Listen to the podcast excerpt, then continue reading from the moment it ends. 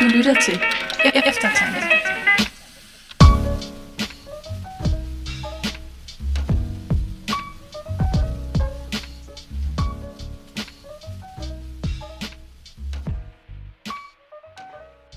Velkommen til podcasten Eftertanke.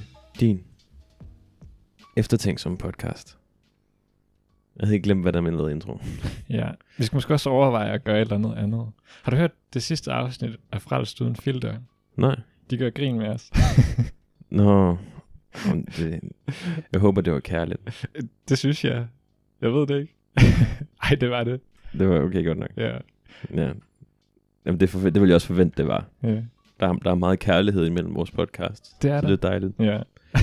Nå. Så Ja. vi skal ikke køre bekræftet den her gang. Nej. Nej, okay. jo, det ved jeg ikke. Ej, Jeg synes, vi, skal, vi, vi gør det. Vi gør det. Bare, bare det. Men på et Så- tidspunkt. det skal være så on forandrer brand. det sig. Ja. Ja.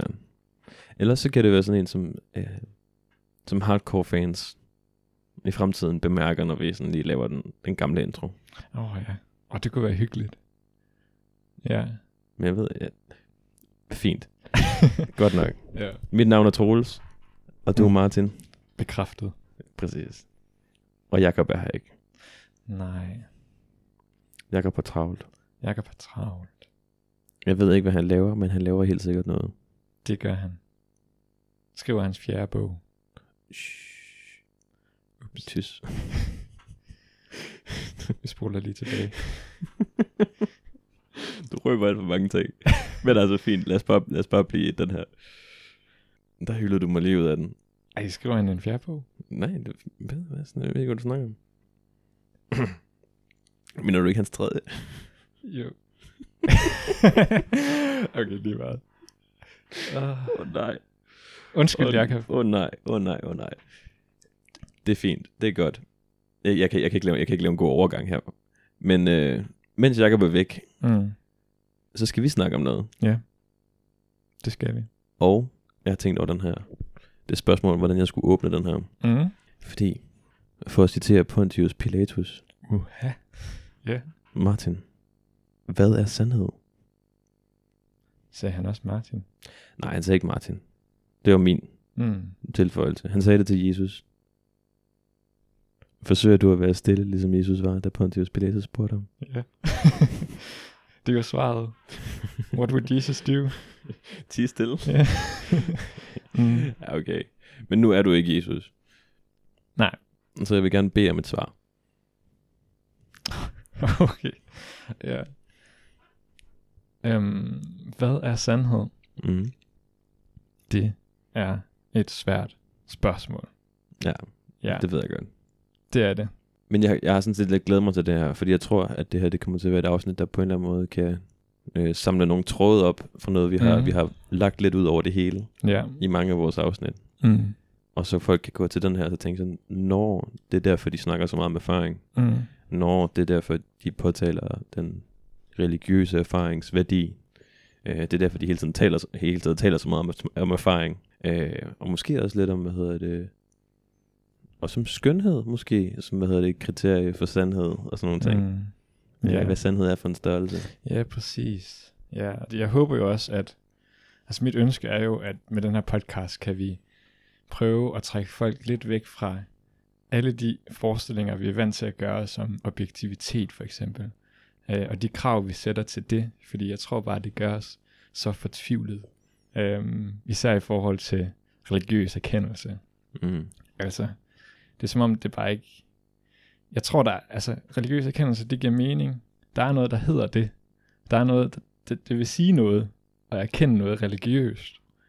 Men det passer bare ikke ind i det billede, vi har af objektivitet i dag. Mm. Og det taler jo imod vores billede af objektivitet, ikke imod religiøs erfaring. Mm. Um, så jeg håber jo, at vi kan komme frem til en eller anden model for sandhed eller Mhm. objektivitet, hvor der er plads til religiøs erfaring som en, en kilde til erkendelse og øh, sandhed. Fordi det skal der være. Ja, og jeg tror også, det her det kommer til at hjælpe lidt på dem, der sådan støder sig lidt på vores postmodernitet nogle gange. Det håber jeg også. Fordi jeg tror nogle gange, at folk har Altså folk har en idé om det postmoderne, som så gør man op med en hver form for objektiv sandhed. Og så bliver det sådan super relativisme din sandhed, min sandhed, Mm.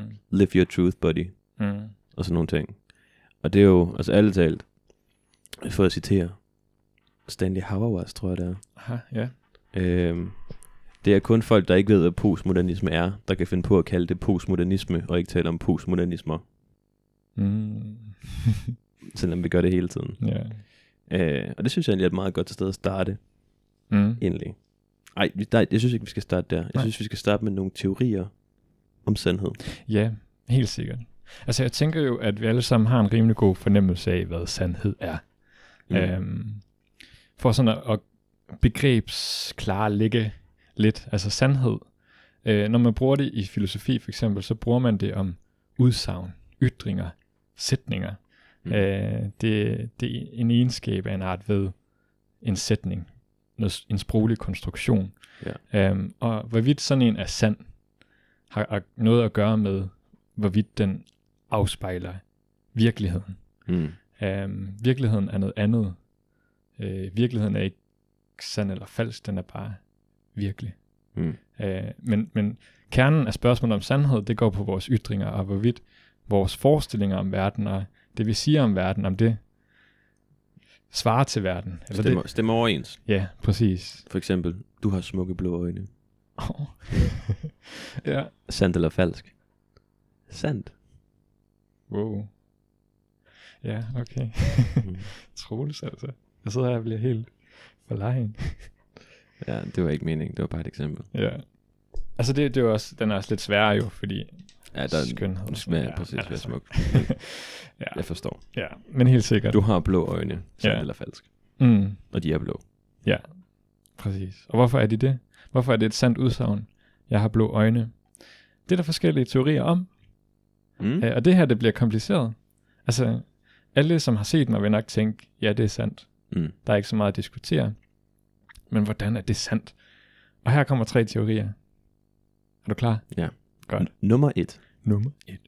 Det er korrespondensteorien om sandhed. Den mest sådan common sense teori, den man vil hælde til umiddelbart, når man hører dem. Mm. To sekunder. det håber jeg ikke, man kunne høre. Jeg klipper i hvert fald ikke ud. Nå. Øhm, ja, men korrespondensteorien om sandhed. Så det er en teori, der siger, at hvorvidt et udsagn er sandt, som for eksempel Martin har blå øjne, afhænger af, om det udsagn på en eller anden måde korresponderer med noget i virkeligheden. Altså, der skal være, der skal være et eller andet i virkeligheden, der hedder Martin. Der skal være et eller andet i virkeligheden, vi refererer til som øjne, og så skal de så være blå. Og hvis der i virkeligheden er den relation imellem tingene, Mm. jamen så er vores udsagn sandt. Og så skal der være noget, der hedder blå. Ja. Ja, og, og her, uh, nu kommer vi næsten allerede ind på, på enden af det hele, altså der hvor vi gerne vil hen, men ja, vi gemmer det lige. Okay. Ja, fordi det er meget interessant, altså blå findes blå også, og sådan noget. Ja, Hvad er blå? hvad er blå? Jamen, åh, det er så spændende et spørgsmål. Ej, det skulle vi næsten lave en hel episode om. Hvad er blå? Nå, det må vi tage på et tidspunkt. Godt. ja. Um, men altså, det, det virker umiddelbart bare sådan. Det er det, sandhed er. Altså et udsagn er sandt, hvis det på en eller anden måde, det man, det man siger i udsagnet, korresponderer til et eller andet ude i virkeligheden. Ja. Altså der er bare den der overensstemmelse, som vi snakkede om. Det giver god mening. Ja. Jeg kan også sige noget om problemerne. Altså, øhm, problemet er jo enten, at den er totalt triviel, den er ikke sådan oplysende. Er det en dyd eller en, et problem? Det er så også et spørgsmål. Filosofer vil som regel gerne prøve at f- sige noget mere om, hvad er den der relation imellem Mm. ord og virkelighed. Øh, oh, ja. og det bliver jo bare vildt, vildt svært. Øhm, især fordi, skal man så tale om, at der findes sådan nogle strukturer ude i verden, der korresponderer til strukturerne i sætningen og øh, sætningsopbygning og relationerne imellem ordene. Og er der sådan noget ude i virkeligheden, der danner sådan en struktur? Og især hvis man tager sne af hvid, man kan også bare tage øjne, øjne er blå. Øhm, findes der sådan noget, der hedder blåhed derude, og som øjne så på en eller anden måde eksemplificerer. Er, er det sådan, vi skal tale om det? Sådan at der kan være den der struktur imellem øjne og blåhed, som der også er i sætning og sådan nogle ting. Mm. Og så bliver det vanvittigt kompliceret. Og sådan er det jo bare med meget filosofi. Ja. Så man prøver nogle gange nogle andre teorier. Øh, for eksempel Nummer to. koherensteorien om sandhed. Mm. Og den siger, at jamen, sandhed det er, når du har et system af sætninger, Mm.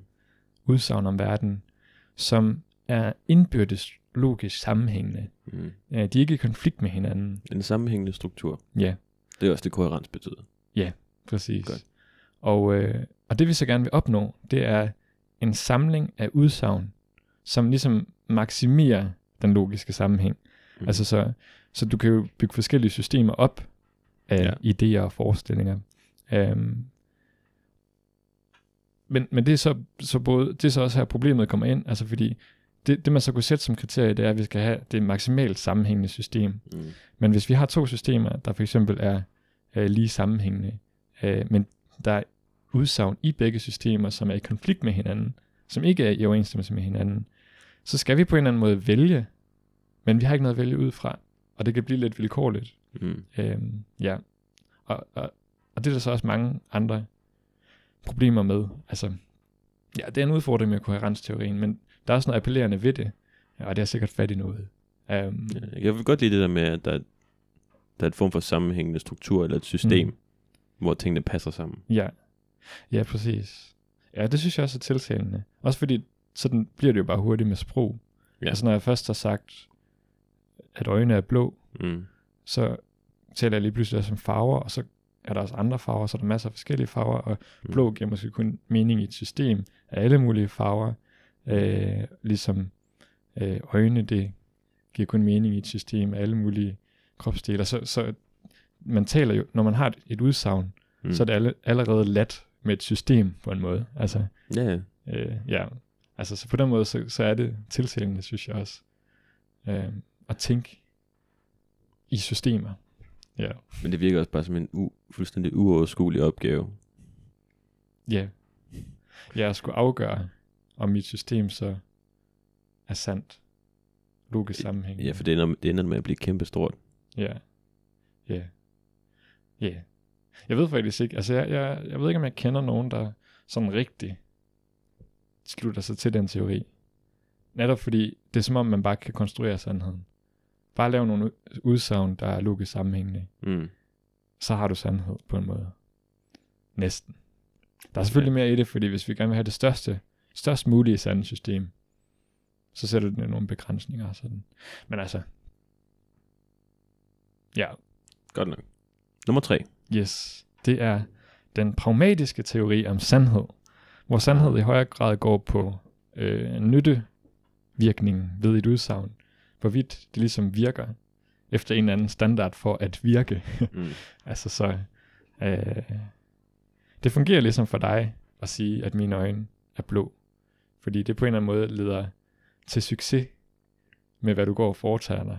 Mm. Øh, det, der er blå øjne måske ikke det bedste eksempel, men lad os sige, at øh, sådan noget som, at øh, du ved, at øh, du går hen og banker mig, Mm. Så gør det ondt på mig, og jeg bliver sur på dig. Mm. Det fungerer for dig at tænke det, fordi det maksimerer din øh, egen trivsel i verden. Der er færre, der er sure på dig, hvis du lader være med at gøre det. Ja, måske. Så hvis vi sætter det som standard for, Det lyder mere som sådan etisk. Ja, det bliver. Men- måske også hurtigt på en måde. Altså, der kommer i hvert fald etik ind over sandhed. Hvis, hvis det er det, man definerer som det gode. Hvis det er det, man definerer som vellykkethed i verden. Der er egentlig noget, jeg godt kan lide der, faktisk. Ja. Altså, nu håber jeg, at jeg fremlægger det korrekt. Uh, det er bare sådan lige, som det kommer Mm. frem i min hukommelse, men altså, det er lang tid siden, jeg har haft det der basiskursus i epistemologi, hvor man går det igennem det. Men Ja. altså, men det var, det var sådan den grove skitse. Altså mm. det der er, det er jo, at øh, det, er den her, det er den her skitse, det her schema, man får præsenteret, hvis man læser filosofi øh, på universitetet, eller ja. nok også på gymnasiet.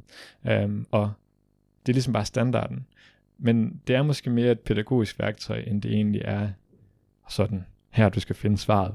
Ja. Altså, som, for- som, som med så meget andet. Ja, Ja, så, det, så er det kategorier, vi bruger til at diskutere ud fra, mere end der Mm. rent faktisk er nogen, der støtter op om det. Ja, ja præcis. Og, og bruger det til at, at påpege problemerne ved teorier, man tidligere har tilsluttet sig, og så Mm.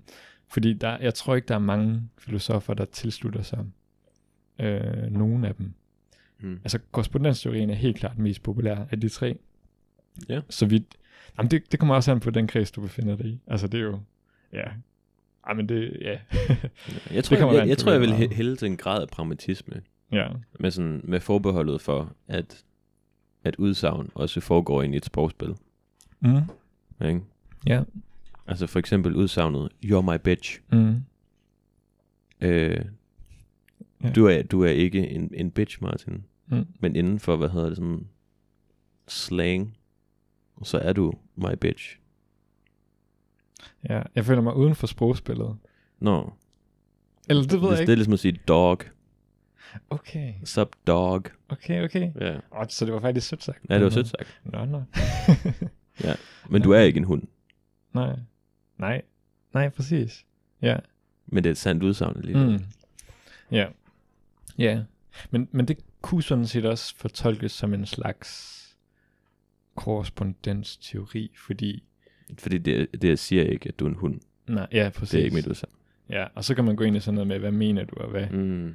Og så kan vi køre... Jamen, så, Ah. så kommer du måske mere på hjemmebane end Ja, jeg. det, det tror jeg faktisk. ja. Øh, Men det er jo meget lækkert, mm. hvordan jeg sådan indirekte kan hive det et sted hen. Ja. Nemlig. Men altså, øh, ja, der, der er sådan lidt forskellige andre teorier, og en populær teori i dag er det, man vil på engelsk vil hedde Deflationary Theory of Truth, um, som jeg ikke ved, hvordan man Prøv, oversætter prøv, at sige- prøv at sige det første ord igen. Deflationary. Det er simpelthen et ord, jeg ikke kender. Ja, og, og det går også sådan lidt op for mig, jeg er ikke sikker på, hvad det betyder. Jeg tænker sådan, uh, deflate, deflate, Mm. jeg, er det ikke at puste luften ud af ballonen? Jo. Ja, og, og det, det giver på en måde mening, fordi at det, der sker, når du laver de andre teorier, det er, at du kommer til at bygge sådan et stort system op. Altså sådan, Mm. når du skal forklare korrespondensteorien, hvordan kan et udsagn korrespondere med verden? Så skal vi til at tænke over, hvordan verden egentlig er dybest set. Mm. Øh, hvad er verden udgjort af? Er den udgjort af dele øh, af ting, Mm. ligesom vores navneord deler verden op i ting? Mm. øh, som på en eller anden måde vil sikre, at vi kan lave den her korrespondensrelation på en nem måde. Mm. Øh, er verden delt op i adjektiver, når vi laver putter prædikater på ting. Mm. Og så begynder vi med nogle tanker, som, altså, som hurtigt puster sig op. Altså hvor det er sådan, øh, vi, vi kommer med en metafysik om verden. Mm. Sådan, hvordan er verden dybest set? Og deflationary theory siger, ej, den skal vi ikke komme ind på, fordi det bliver teknisk, men det er bare, sne er hvid, hvis sne er hvid. Okay. Ja, og, og så, så, så er Jeg, der... jeg, jeg kan godt høre, hvorfor den er lidt flad. ja, og så, og så, så er der noget logisk teknisk i det. Okay. Øh, sådan, ja, ja, og, og jeg er ikke ekspert på den teori, men altså det, det kan man gå ind og læse om, altså, hvis man vil læse om sådan noget, Stanford Encyclopedia of Philosophy, Mm. super. Godt nok. Jeg er også tilhænger af en anden teori. Mm. Jeg ved ikke, hvad man vil kalde den. Øhm, den trives inden for empirisme, og det er typisk for de pragmatiske teorier. Og, Ah. øhm, altså man, kan for, man forbinder tit pragmatisme med de her amerikanere, sådan William James og Dewey, er det ikke det, han hedder? Jo, det er Øhm, Charles Peirce. Og de var også empirister, eller det kalder man dem også. mm. Der er også Hume især, han er jo sådan empirismens, altså han er paradigmeeksemplet på en empirist. Mm. Var han pragmatiker? Det ved jeg ikke. Der, er- der er nogle flere tanker, man kan gøre sig der. Men jeg tilslutter mig i hvert fald en moderne empirisme, øhm, som også går væk fra korrespondensteorien. Netop fordi den puster sig op og gør ting vildt komplicerede. Mm. Især det der, altså spørgsmålet om, altså det der med at gå ind og tænke over, er der, er der noget ude i verden, der så hedder blåhed? Det er sådan typisk empirister, Mm. og sådan gå imod den der idé om, at når vi har et ord for noget, så, så skal vi på en eller anden måde give det gør det til noget substantielt ud i virkeligheden, for at skabe den her korrespondens. Mm. Øhm, så det empirister siger, det er, det de lægger vægt på, det er erfaring. Ja. Det er ligesom kilden til sandhed. I kontrast til empiristerne er der så rationalister, og de mener i højere grad, at fornuften er kilde til sandhed, øhm, og at vi kan tænke os frem til, hvordan verden er på en måde. Og det er jo så her, at, at altså, det er det, der sker, når du begynder at tænke over korrespondensteorien. Så laver du den her metafysik, og så, så bliver det sådan på den måde rationalistisk, hvor en empirist så vil sige, nej, stop, nu må det holde. Vi skal bare starte med erfaring, hvad er det, vi ser? Og så, så ikke prøve at puste de her metafysiske systemer op. Mm. Øhm, ja. Empirismen har så haft mange problemer, og Ja, for jeg tænker, for eksempel de logiske positivister, Ja. dem vil man også kalde empirister, ikke? ja, præcis. Ja. Og hvis der skulle være en filosofisk retning, der har fået meget høvl, Ja, så skulle det da lige være dem. det, ja præcis. Det, det er præcis det. Altså, og, og det, det tror jeg også siger meget. Altså, det, jeg tror, det er det, der forklarer, hvorfor empirismen har trange kår i dag. Mm. Øhm, det er, at der kom de logiske positivister, som på en eller anden måde ville perfektere empirismen, og som blev så udbredt, at alle var empirister. Ikke helt, men altså, det var bare en vildt populær teori. Ja, det var sådan lige sådan 15-20-årig periode, hvor alle bare, Mm. alle bare var, alle bare var med på den vogn. Ja, præcis. I hvert fald inden for visse krise, men ja.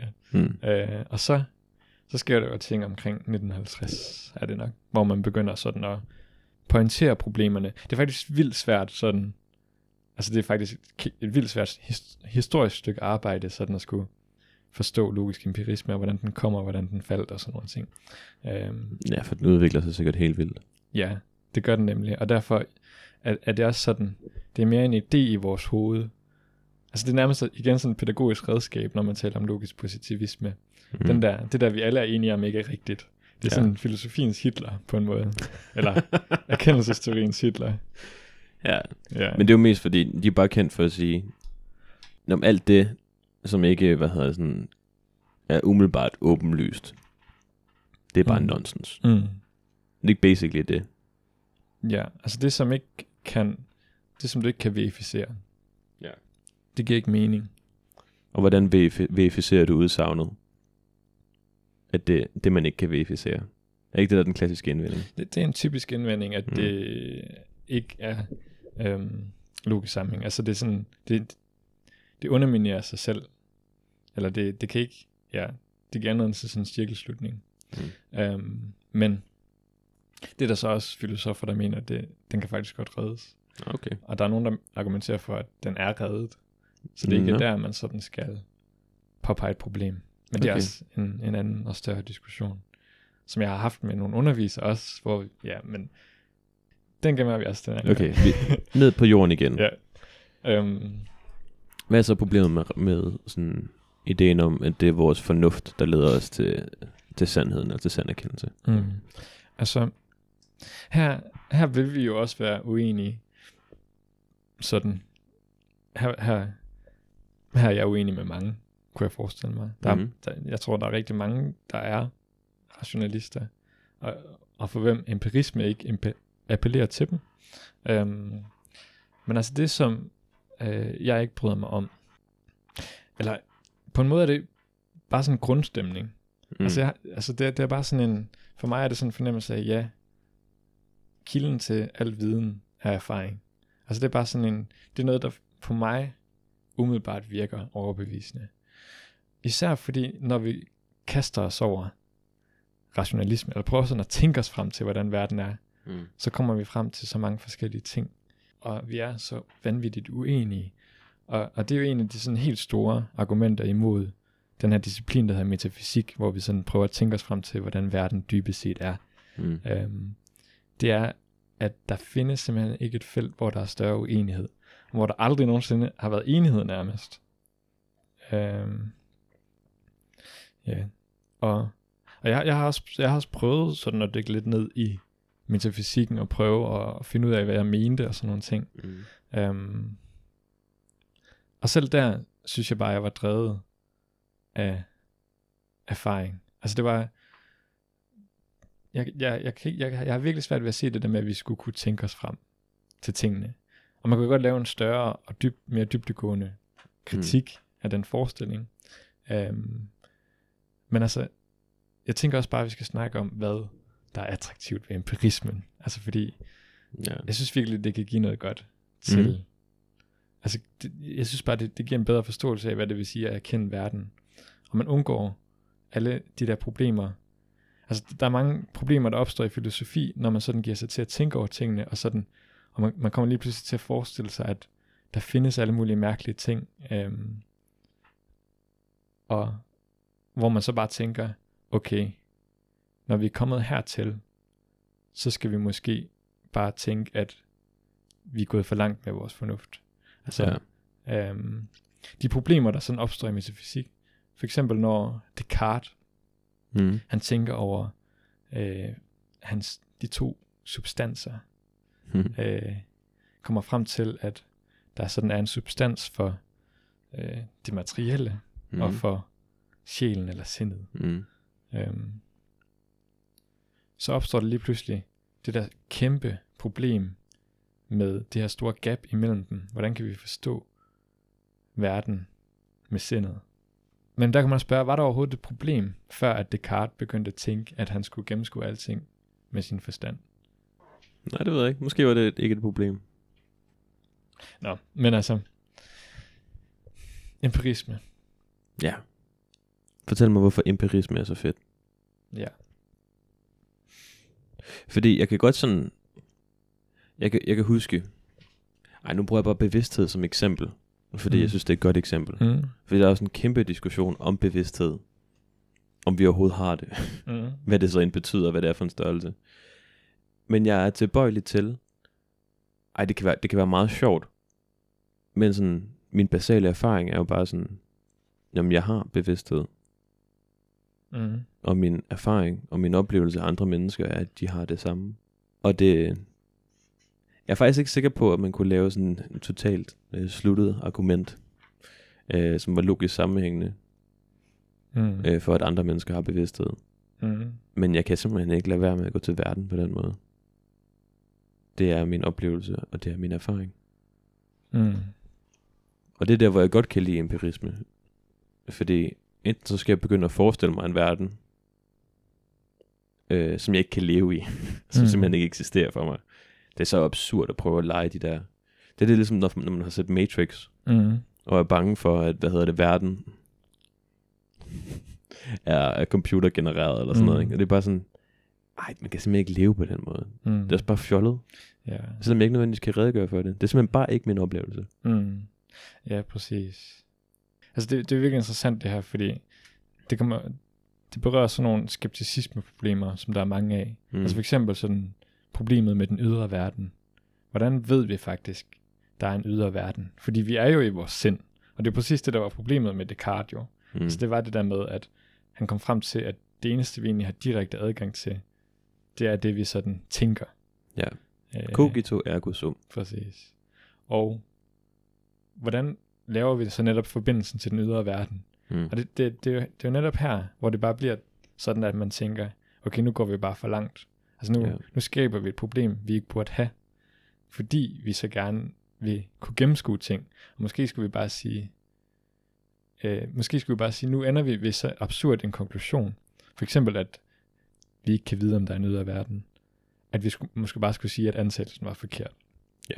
Og det, det tror jeg, det er, det er måske bare det bedste argument imod Mm. rationalisme og øh, eller metafysik eller Mm. ja der, der, er også, der er også metafysik der fungerer og sådan nogle ting øhm, men pointen er at ja vi har en erfaring vi har en erfaring af at der er en ydre verden for Mhm. eksempel øhm, og lad os bare tage den for gode varer umiddelbart øhm, det, det er på en måde budskabet Ja. øhm, altså det, det der så giver udfordringer det er jo at der er ting som vi rigtig gerne vil vide noget om som vi måske ikke ved noget om Mm. Øhm, for at tage et hurtigt eksempel. Øh, findes der atomer? Altså der er jo ikke noget, vi hellere vil svare på i naturvidenskab. øhm, men altså, på en måde, så vil man inden for empirismen sige, at det er, at det på en måde er lidt utilgængeligt. Vi kan hurtigt blive enige om, at der er en ydre verden. Mm-hmm. Øh, det her bord, der er foran mig, det findes. Mm-hmm. Der er et bord. Det vil en, en empirist sige i dag. Men kan vi så slutte fra de her sanseerfaringer til ting, vi overhovedet ikke kan se? Ting, der er så mikroskopiske, at vi aldrig kommer til at se dem. Øh, måske med instrumenter, men så er der også alle mulige antagelser om, Mm. hvordan det her instrument har adgang til den her subatomare Mm. verden, som også er teoretisk, så derfor øh, bliver man ramt lidt af et problem. Um, men altså der, der vil empirister så helst at sige, øhm, nej, vi kan ikke, vi, vi kan godt forvente i hvert fald, at, øhm, at det her det er bare en teori, som godt kan udskiftes på et tidspunkt.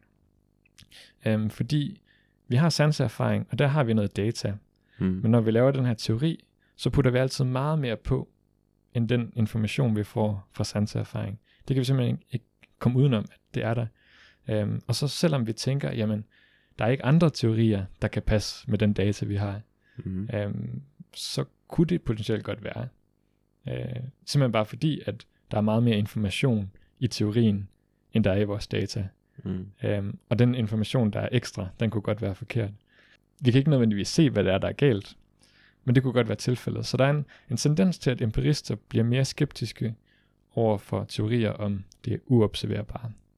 Ja. Men det jeg så tænker, altså det, det man på en måde vinder, det er, at man, man undgår skepsis omkring det observerbare Mm. øh, i en vis forstand. Eller, eller en skepsis omkring, at den måde, vi oplever verden på som mennesker, at den dybest set er forkert eller en illusion. Altså for eksempel, øhm, når jeg forholder mig til det her bord foran mig, så er det jo lavet af atomer, af teorien, Ja. og atomer har en kerne, øh, og så har den nogle elektroner, der flyver rundt om den her kerne. Mm. Øhm, og elektronens bane definerer ligesom udstrækningen af atomet. Mm. Men kernen fylder utrolig lidt i forhold til atomets udstrækning. Ja. Så, Der er mest bare tom plads. så det er nemlig mest bare tom plads. Det vil altså sige, at det her bord med træ, som virker ret massivt for mig, Mm. det er mest bare tom plads. Men jeg oplever alligevel, at det er massivt, og ser det som noget massivt, fordi sanserne på en måde bedrager. I den forstand, at når jeg rører ved bordet, så frastødes min hånd af de her elektroner, der flyver rundt om atomerne, Mm. så derfor så mærker jeg det som fast. Men egentlig så er det primært tom luft. Og når jeg ser det som hvidt, så er det som sådan egentlig ikke en farve. Altså den farve findes som sådan ikke ifølge det fysiske verdensbillede. Mm. Øh, men det, det er jo bare lyset, der har en, en, en bestemt kombination af bølgelængder, ja, ja. Øhm, som gør, at det ser hvidt ud. Så, så det, det vi gør i videnskab, det er på en eller anden måde at, øh, at lave en anden verden, som vi så udleder vores sanseerfaringer af, men den er fundamentalt anderledes end sådan, som vi oplever den. Og, og på mange måder er det et succesfuldt projekt, og jeg er kæmpe fan. Det er slet ikke det. Mm. Spørgsmålet er bare, hvad, hvad er sandhed, og hvad, hvad ved vi? Ja. Øhm, empiristen vil sige, at jamen, i udgangspunktet kan du stole på din sanserfaring. Når du kommer frem til en teori, og skal afgøre, om den er sand eller falsk, så gør du jo- det jo også ud fra sanserfaring. Mm. Det er jo det, der på en eller anden måde vil være fundamentet. Det, det er altid sanserfaring, der har det sidste ord. Altså så hvis vi finder noget data, der strider med atomteorien, så vil vi jo kas- forkaste atomteorien, Ja. ikke vores sanserfaring. Så på en eller anden måde, så anerkender man jo bare, at sanserfaring er det, der har mest autoritet. Mm. Og det er, på en, det er på samme tid også vildt appellerende, fordi det bare giver meget sådan, det anerkender ligesom bare den måde, vi går til verden på. Mm. Og det gør vi som mennesker med sanseapparater. Og vi har lyst til at tænke, at der er noget vilkårligt ved vores sanseapparat. Eller det, det gør vi i naturvidenskab. Men ja, fordi vi tænker, netop fordi vi har det her videnskabelige verdensbillede, hvor vi tænker, at, hvordan kan man sige det, vi sanser ligesom bare, altså vi sanser verden fra et perspektiv. Ja. Og, og det her perspektiv kunne godt have været anderledes. Um, Mm. Og det forestiller jeg mig sådan set også godt, det kunne. Um, men spørgsmålet er, om det, at vi ser noget fra et perspektiv, om det på en eller anden måde underminerer troværdigheden af det, vi oplever. Men det er jo sådan helt basalt folks problem med... Ej, må jeg komme med et eksempel fra litteraturen? Mm. Fordi det, nu, nu får du bare lov til at have en case at arbejde med. Ja. Fordi i James Joyce's Ulysses, Mm. der er der, øh, der er skiftende hovedkarakterer. Øh, vi har først en ung mand i den første del, og så er der en lidt ældre her i den anden. Og på forskellige tidspunkter, så kigger de op på den samme sky. Ja. Det sker med flere hundrede sider imellem, men det er den samme sky, de kigger på. Og den ene ser noget, og den anden ser noget andet. Ja. Altså de ser noget vidt forskelligt. Mm. Og det er jo så ofte sådan noget, vi bruger til, ligesom, jamen, så kan vi ikke, ikke vide noget af den art, eller sådan noget. og Derfor kan Mm. man ikke stole på den personlige oplevelse, Mm.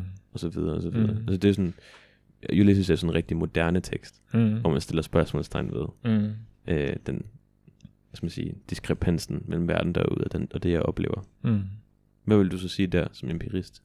Altså, ja, det er faktisk virkelig en interessant case, øhm, fordi der vil jeg jo sige, at øhm, vi har mange ressourcer tilgængelige for os, som gør, at vi alligevel godt kan sige, hvordan tingene er. Jeg har 100% tillid til, altså det er jo et faktum, at vi nogle gange oplever verden forskelligt fra forskellige perspektiver. Ja. Men vi har en eller anden evne til stadig at finde ud af, øh, hvordan verden er i fællesskab Mm. og kunne blive enige, hvis vi kigger lidt mere på en måde. Altså så hvis jeg prøver at gå hen til vedkommende, som ser skyen anderledes, Ja. og, og, og får flere erfaringer, så begynder vi at kunne danne os et sandt billede af skyen. Ja, det, er virkelig, vi. det ligger i det der vi. Præcis. Ja. Det, og det er utrolig vigtigt for erkendelse at indse, at den som regel er social, og at øhm, og erfaring er social. Altså, og, og mit verdensbillede kan godt bygge på erfaring, selvom at de erfaringer primært er gjort af andre. Mm. Øh, og, og, det er virkelig, og det er jo tilfældet. Altså når, når jeg bygger mit billede af verden, det bygger jeg jo på de omstændigheder, jeg er født ind i, øhm, hvor jeg har fået alt muligt at vide også. Men alt det, jeg har fået at vide, har jo også bygget på generationer af erfaringer. Mm. Øhm, og det, det er jo derfor, vi stadig kan have, bør have tillid til vores tradition på en måde. Tillid til, at det bygger på erfaringer. Men ja, vi er ved det her vi, og det her vi erkender. Det, som empirismen så siger, det er, vi kan ikke komme ud over videt. Vi kan komme ud over jeget på en måde, Ja. fordi vi kan snakke sammen. Men vi kan ikke komme længere end- dertil. Der er, ikke, der er ikke flere, vi kan snakke med på en måde. Det optimale ville være, hvis vi kunne snakke med Gud, mm. og så kunne få ham til at fortælle præcis, hvordan verden er. Men det er som om, jeg var mere interesseret i at snakke med som menneske. Ja, det er rigtigt. Han vil hellere være med i vid. Ja, ja. ja. bare se. Meget interessant. Men altså, og, og, og det, det her, der sådan er en stor forskel. Altså det, det, det er kerneforskellen. Det er det her med, at vi kan ikke komme uden for videt. Vi kan ikke komme uden for menneskeheden. Vi kan ikke komme uden for det menneskelige. Vi erkender som mennesker. Mm. Det er et faktum. Det betyder også, at når jeg oplever verden, så oplever jeg den som menneske. Og når jeg laver en teori om verden, om atomer for eksempel, Mm. så laver jeg den som menneske. Jeg laver den med udgangspunkt i den sanseerfaring, jeg har. Og sanseerfaring indrammer teorien. Og vi tænker, det går ud over sanseerfaring, fordi det på en eller anden måde forklarer, hvorfor jeg sanser verden, som jeg gør. Ja. Men det kan også, men de videnskabelige teorier kan også fortælle mig lidt om, hvordan det er at være en flagermus, for eksempel. Hvordan er det at, Ja. at have den her ekomekanisme og opleve verden på den måde. Mm. Det er som om, at videnskaben giver et indblik i at være noget andet end menneske. Men når jeg danner mig den teori, så gør jeg det også stadig indrammet i menneskets erfaring, og den Mm. data, jeg har opsamlet om flagermus, opsamlet med mine instrumenter, som jeg også ser med, eller oplever med min sanseerfaring. Altså så, vi kan ikke komme udenom, at teorierne er indrammet af den menneskelige sanseerfaring, Mm. og hvis det kommer i konflikt med den menneskelige sanseerfaring, så forkaster vi teorien. Yes. Det kan godt lide. Der er sådan det der, der er sådan perspektivskift. Mm. Altså, hvad er den, hvad er den virkelige verden? Mm. Er det, er det, det vores mindste bestanddel, og så atomer, og så bygger vi op? Mm. Eller er det det bord, jeg kigger på? Ja, Ja. nemlig. Og Præcis. der, der er sådan, der er sådan en dejlig nøgternhed over, at det er sådan, ej, du, du starter ligesom med dit eget perspektiv. Mm. Ja. Vi starter i øjenhøjde. Mm. Præcis. Ja. Ja. Nemlig. Og, og, og det er også vildt forvirrende på en måde, fordi som empirist er jeg ikke nødvendigt, altså jeg vil ikke afvise atomteorien. Nej, det ved, jeg- det ved du ikke gør. Ja, og jeg vil ikke, jeg vil ikke sådan, øhm, det, det er jo helt klart den bedste teori, vi har, og det er ikke i konflikt med min sanserfaring. Nej. Altså så, og, og det samme vil rationalisten eller realisten sige, at jamen, altså, hans teori er heller ikke i konflikt med sanseerfaring, men der er, der er bare den der forskellige betoning. Når reali- realisten skal sige, hvad er virkelig sandt om verden, Mm. så vil, så vil vedkommende starte med atomerne, og jeg vil starte med bordet, på en Ja. måde. Ja. Men altså, Og jeg synes, vi skal starte ved bordet. ja, Det giver da meget bedre mening. Det tænker jeg også. Fordi ellers, hvad hedder det så, for sand, sand, sand erkendelse af verden vil være afhængig af, vidste noget om atomteorien. Ja. Ja. Hvilket ligger på et absolut minimum for mit vedkommende. Mm. Ja, præcis. Og, og, og her opstår problemerne jo, fordi det vil betyde, at man havde meget lidt sand erkendelse i fortiden.